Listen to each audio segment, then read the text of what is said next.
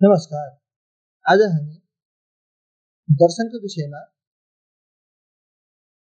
Podcast बनाउन गइरहेका छौँ।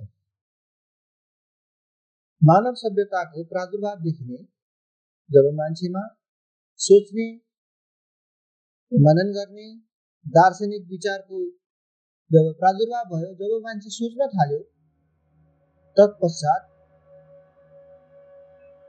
दर्शनको प्रादुर्भाव भयो। दर्शन अर्थात् दृश्यते अनि जुन चिजबाट जुन भिजनबाट संसारलाई देख्न सकिन्छ संसारलाई बुझिन्छ संसारको विशद व्याख्या गरिन्छ। त्यो मत त्यो तरिका त्यसलाई दर्शन भनिन्छ। यस विषयमा पूर्वीय सभ्यतामा पनि र पश्चिमी जगतमा पनि दार्शनिकहरूले धेरै विचार गरेका छन्। पूर्वीय दर्शन भनेको मुख्यतया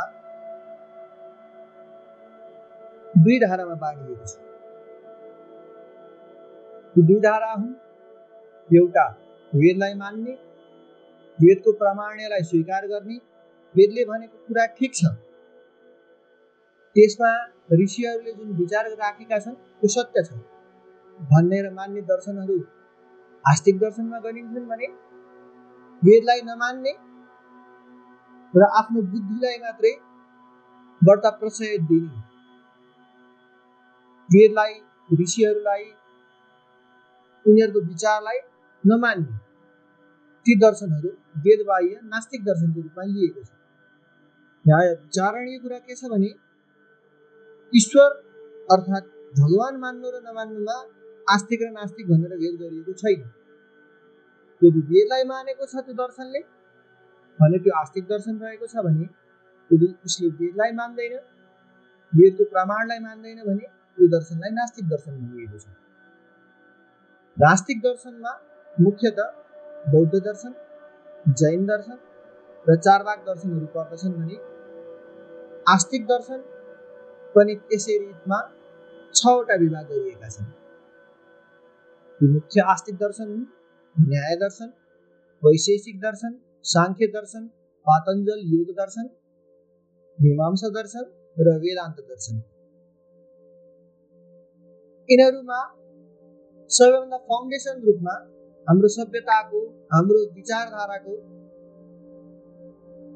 पुराण महाभारत रामायण आदिमा प्रयुक्त भएको सबभन्दा फाउन्डेसन दर्शन सबभन्दा आधारभूत बेसिक दर्शन भनेको चाहिँ साङ्ख्य दर्शन हो।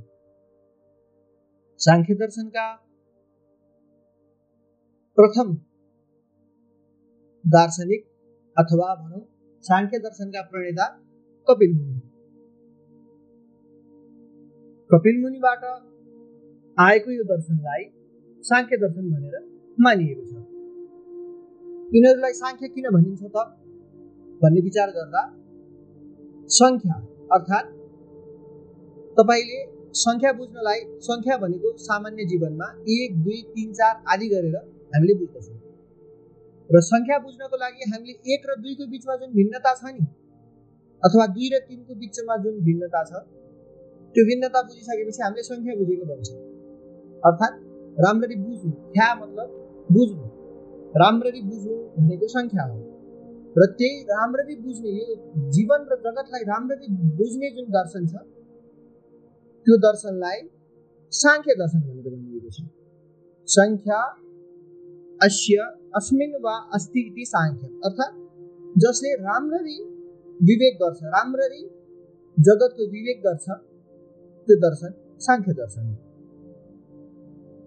यसै प्रसङ्गमा शुद्धात्म तत्व विज्ञानम साङ्ख्यमित्यभिधीयते अर्थात् जसले आत्मतत्वको सही रूपमा व्याख्या गरेको छ। त्यो दर्शन साङ्ख्य दर्शन। हो त्यसै कारणले यसलाई साङ्ख्य दर्शन भनिएको छ। साङ्ख्य दर्शनमा मूलत दुईटा तत्व मानिएका छन्। जगतको फाउन्डेसन जगत सुरुमा बन्नु जगतको सबै चिजलाई हामीले बुझ्नको लागि साङ्ख्य दर्शनले दुईटा तत्त्व मानेको छ। ती दुईटा तत्त्व हुन् प्रकृति र पुरुष। प्रकृति भन्नाले जुन जड चिज देखिन्छ जुन चिजमा चेतन छैन त्यसलाई प्रकृति मानिएको छ। भने जुन चिजमा चैतन्य देखिन्छ ज्ञान गर्ने खुबी देखिन्छ। त्यो चिजलाई पुरुष मानिएको छ। त्यो तत्त्वलाई पुरुष मानिएको छ। पुरुष भनिएको छ। र यो प्रकृति र पुरुषको विवेकबाट नै हामीले संसारलाई बुझ्न सक्छौँ। यो जगतलाई बुझ्न सक्छौँ। यो ब्रह्माण्डलाई नै बुझ्न सक्छौँ भन्ने अभिप्राय साङ्ख्य मतका दार्शनिकहरूको रहेको छ। यहाँ पुरुष भनेर भनिएको छ। त्यो पुरुष भनेको पुरुष जातिलाई जनाउनको लागि नभनिएर पुरै प्राणी जगतलाई नै जनाउन भनिएको हो। जीवलाई जनाउन भनिएको हो। त्यो आत्मतत्वलाई बुझाउन भनिएको भन्ने कुरा हामीले याद गर्नुपर्छ। स्मरणीय कुरा के छ भने मैले सुरुमा पनि भनेको थिएँ।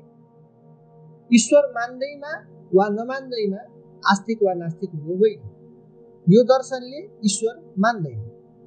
भगवान् छन् भन्ने कुरामा साङ्ख्य दर्श दार्शनिकहरूको विश्वास छैन यिनीहरू ईश्वर मान्दैनन् यिनीहरू भगवान् मान्दैनन् तर यिनीहरू आत्मतत्व मान्छन् र त्यो आत्मतत्व मान्नु नै यिनीहरूको वेदमूलकताको प्रमाण हो अर्थात् यिनीहरू आत्मा मान्छन् त्यसैले यिनीहरू वैदिक दर्शन हो यिनीहरूले ईश्वर मानु या नमानु आत्मा मान्ने भएको हुनाले वेदको त्यो विचारधारालाई अँगाल्ने भएको हुनाले साङ्ख्य दर्शन आस्तिक दर्शनमा गरिएको छ र यसै दर्शनको माध्यमबाट नै हामीले हाम्रा पुराण इतिहासहरूलाई व्याख्या गर्न सक्छौँ। त्यसको सेन्ट्रल थिमलाई पकड्न गीताको सेन्ट्रल थिमलाई पकड्न महाभारत रामायण आदिको सेन्ट्रल थिमलाई पकड्न हामीले साङ्ख्य दर्शनबाट मूलभूत कुराहरू सिक्नै पर्ने हुन्छ।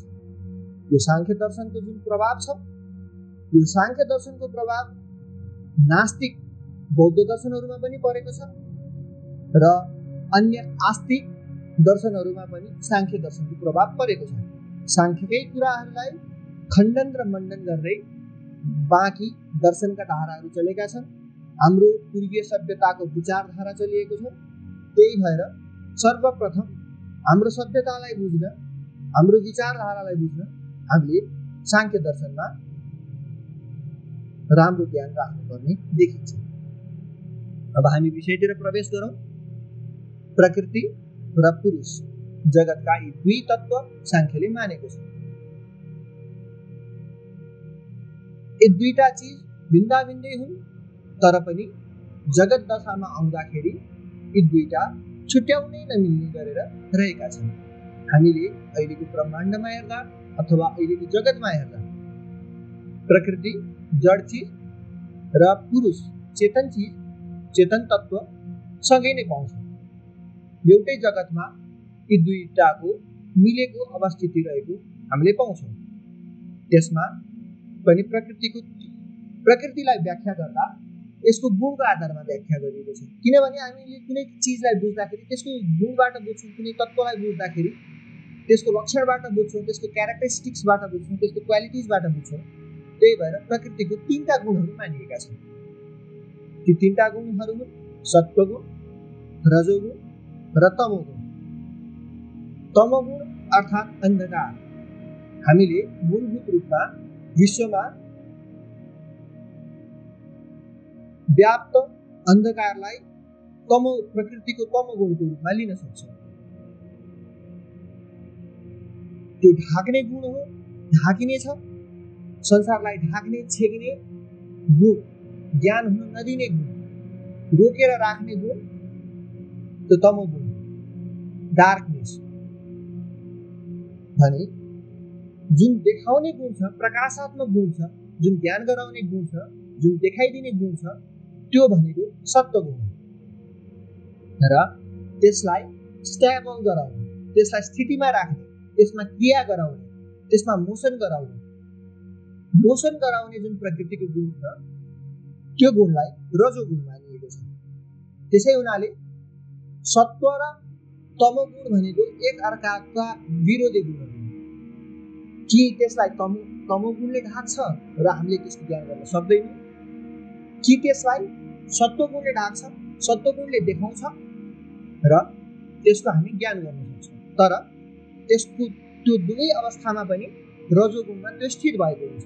स्थिति एक्जिस्टेन्स भनेको रजोगुण मूलभूत रूपमा प्रकृतिलाई त्रिगुणात्मिका प्रकृति भनेर भनिएको छ साङ्ख्य दर्शनमा र प्रकृति तिन गुणले युक्त छ।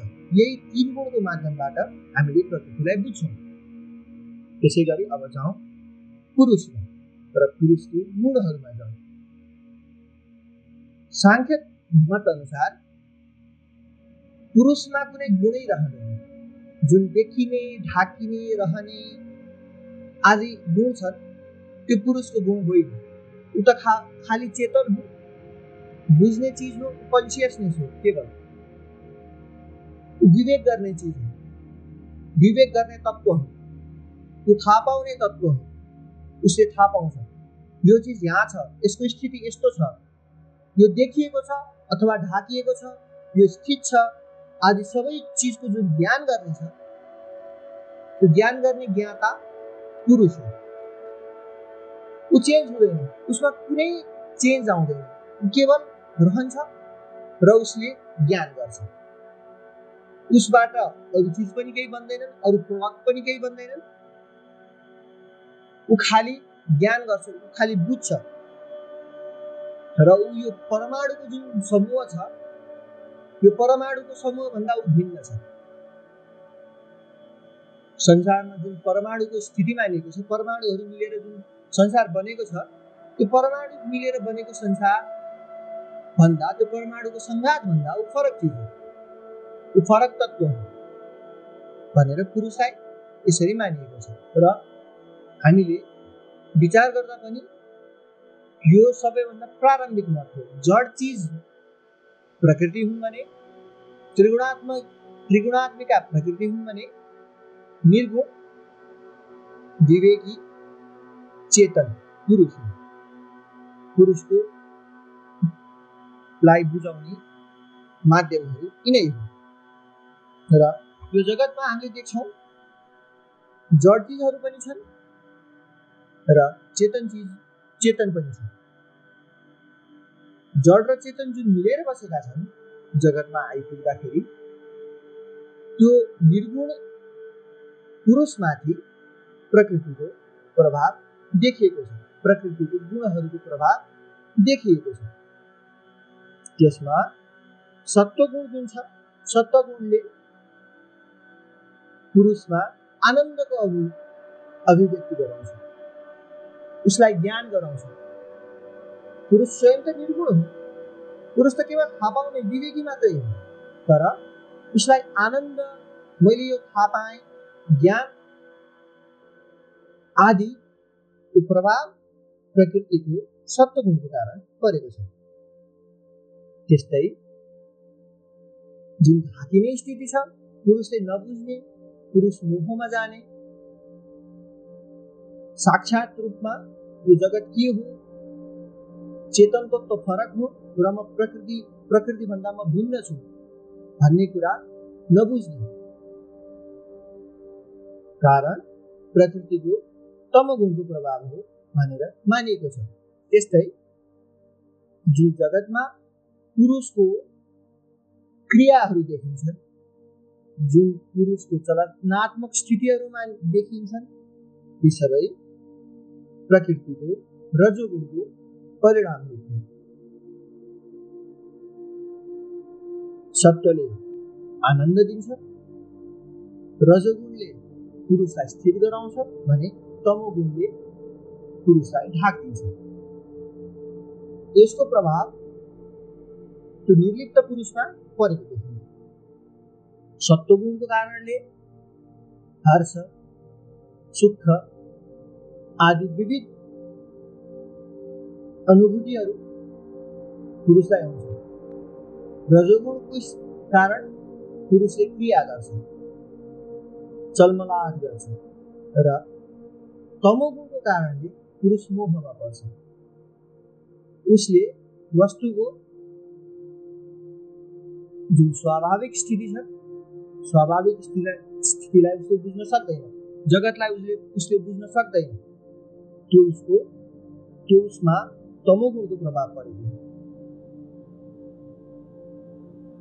यसरी साङ्ख्य दार्शनिकहरूको मत के देखिन्छ भने प्रकृति र पुरुष दुईटै फरक फरक तत्त्व हुन्। प्रकृति र पुरुषको जुन स्थिति छ तिनीहरू एक अर्कामा कार्य र कारणको रूपमा रहेको हुनाले नै यस्तो भएको हो।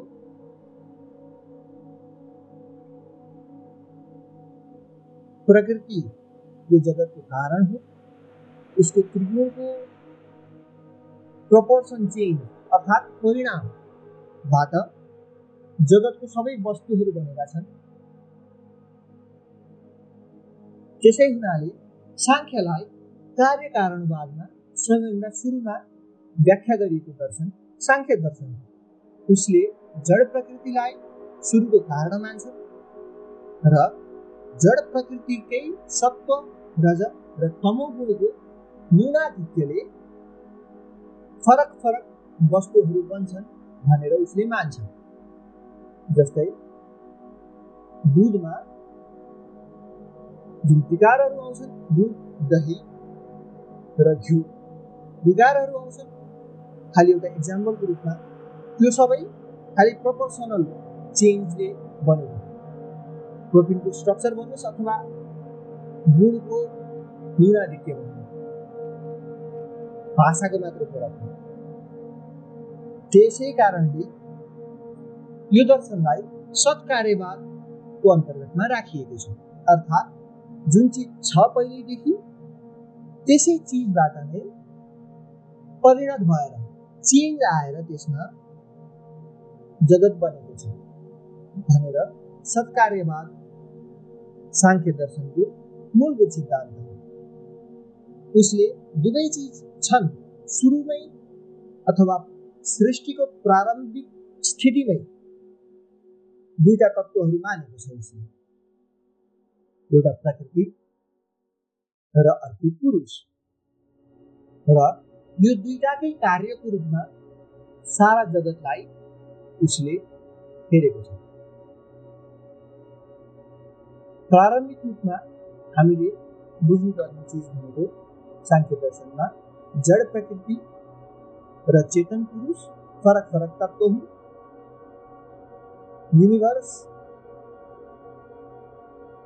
र कन्सियसनेस फरक चिज हो यिनीहरूको स्थिति अहिले एउटै देखिए तापनि प्रकृति र पुरुष। भिन्न तत्व हुन् र।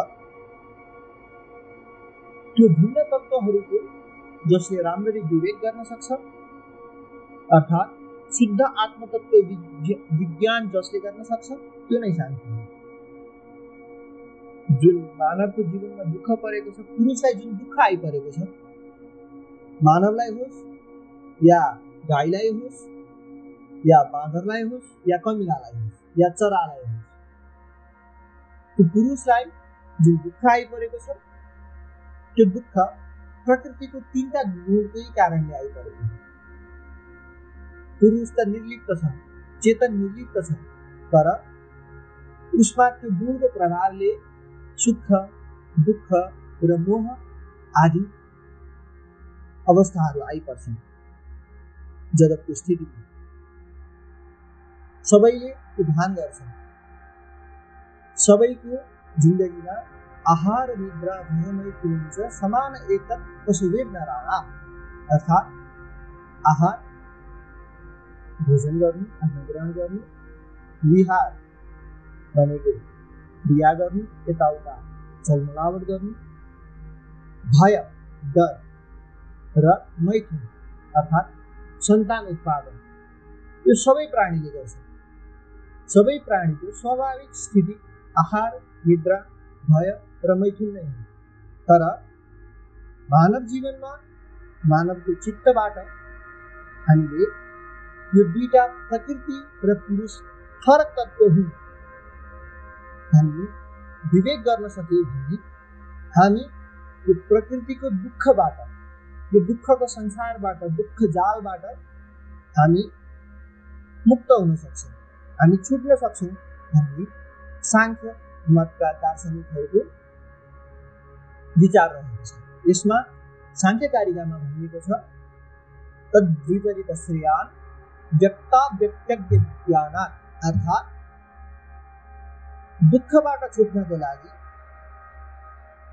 मान्छेले व्यक्त अर्थात् चेतन र अव्यक्त अर्थात् प्रकृतिको सही सही रूपमा भिन्नता तिनीहरूको भेदलाई बुझ्न सक्यो, आफूलाई प्रकृतिबाट विलिप्त राख्न सक्यो भने त्यो नै दुःख अन्तिम दुःखलाई हटाउने पूर्ण रूपमा दुःखलाई हटाउने साधन हो भनेर दुःख निवृत्ति र सुख प्राप्तिको लागि साङ्ख्य दर्शनहरूले साङ्ख्य मतका दार्शनिकहरूले प्रकृति र पुरुषको सम्बन्धमा प्राथमिक विचार राखेका छन्